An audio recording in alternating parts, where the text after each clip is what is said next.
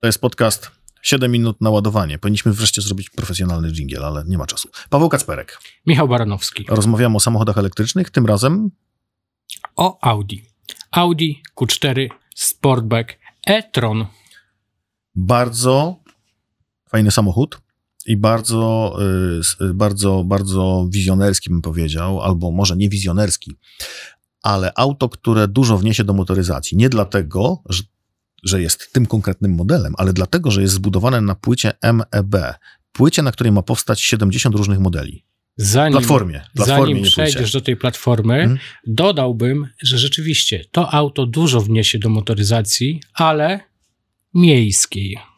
A jak zwykle po prostu tak, zasięg, zużycie energii. Dobra. Tak, zaraz o Płyta, tym porozmawiamy. płyta MEB, Mhm. e, pod platforma MEB, nie płyta, przepraszam, platforma MEB, platforma, na której będzie 70 różnych modeli grupy Volkswagen, platforma, która może mieć różny rozstaw osi, z różnymi pakietami akumulatorów i z napędem zarówno na jedną oś, jak i na dwie. Akurat Paweł jeździł samochodem czteronapędowym z pakietem akumulatorów o pojemności 77 kWh, 77 kWh netto, czyli dostępnej pojemności dla użytkownika 82 brutto. To może wytłumaczmy, co to znaczy. 7,7 dla użytkownika dostępne, czyli tyle użytkownik widzi, tyle się ładuje. Reszta idzie na innego rodzaju systemy dostępne w aucie, tak? Reszta jest y, zarezerwowana. Niedostępna. Tak, niedostępna. Niedostępna, tak powiem. Niedostępna.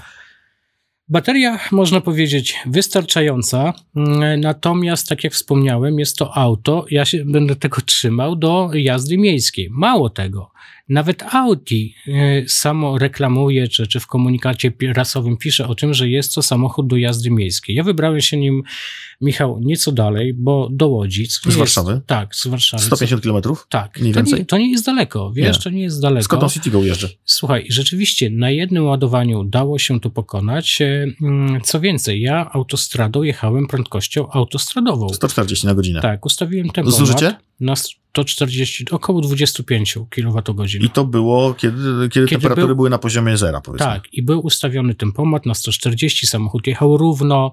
No, Jak równo? Nie jechał równo, ma rozszerzoną rzeczywistość, on dostosowuje swoją prędkość do ruchu ulicznego. Zaraz, zaraz o tym porozmawiamy.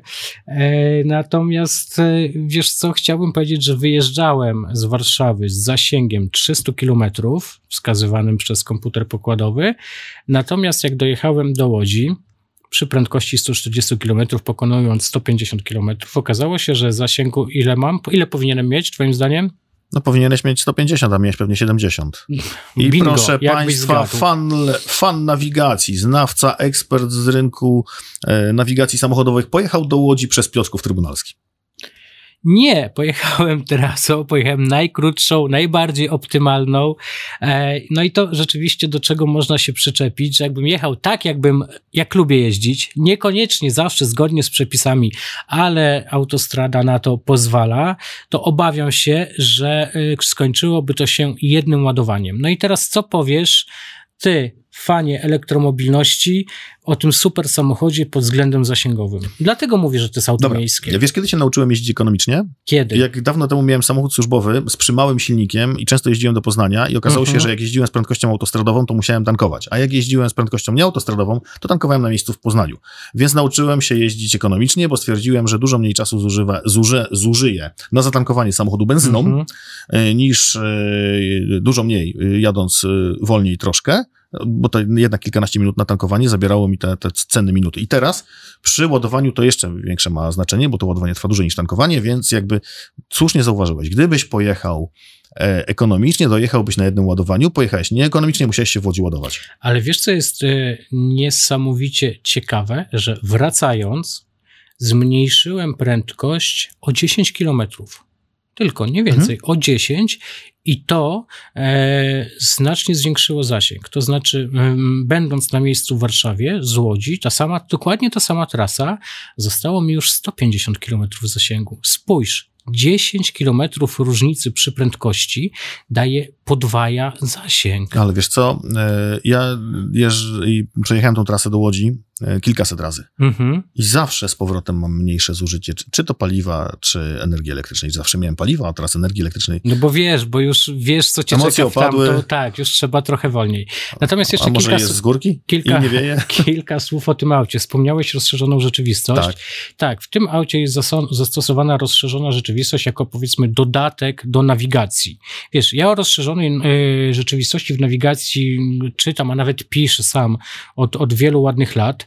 To, co pokazuje Audi, to jeszcze nie jest to, do czego można powiedzieć, jestem przyzwyczajony albo chciałbym zobaczyć, ale działa całkiem sensownie. Wygląda to w ten sposób, że mm, e, ta czwórka e, ma mm, head-up display, czyli wyświetla ci e, wskazówki, które, między innymi wskazania nawigacyjne na szybie samochodu i rozszerzona rzeczywistość w tym wypadku działa w ten sposób, że oprócz tego, że mamy dostępną prędkość, że mamy pokazany tor jazdy, którym się poruszamy, że jak mamy ustawiony aktywny tempomat, to też widzimy tą odległość do, do, mm, do poprzedzającego nas pojazdu i to, jak ona się zmnie, zmniejsza, ale na przykład jeżeli skręcamy, to nam wyskakuje taka powiedzmy strzałeczka, ta, ta trójwymiarowa i pokazuje promień, czy, czy gdzie mamy skręcić. Fajny gadżet. Poprawia bezpieczeństwo?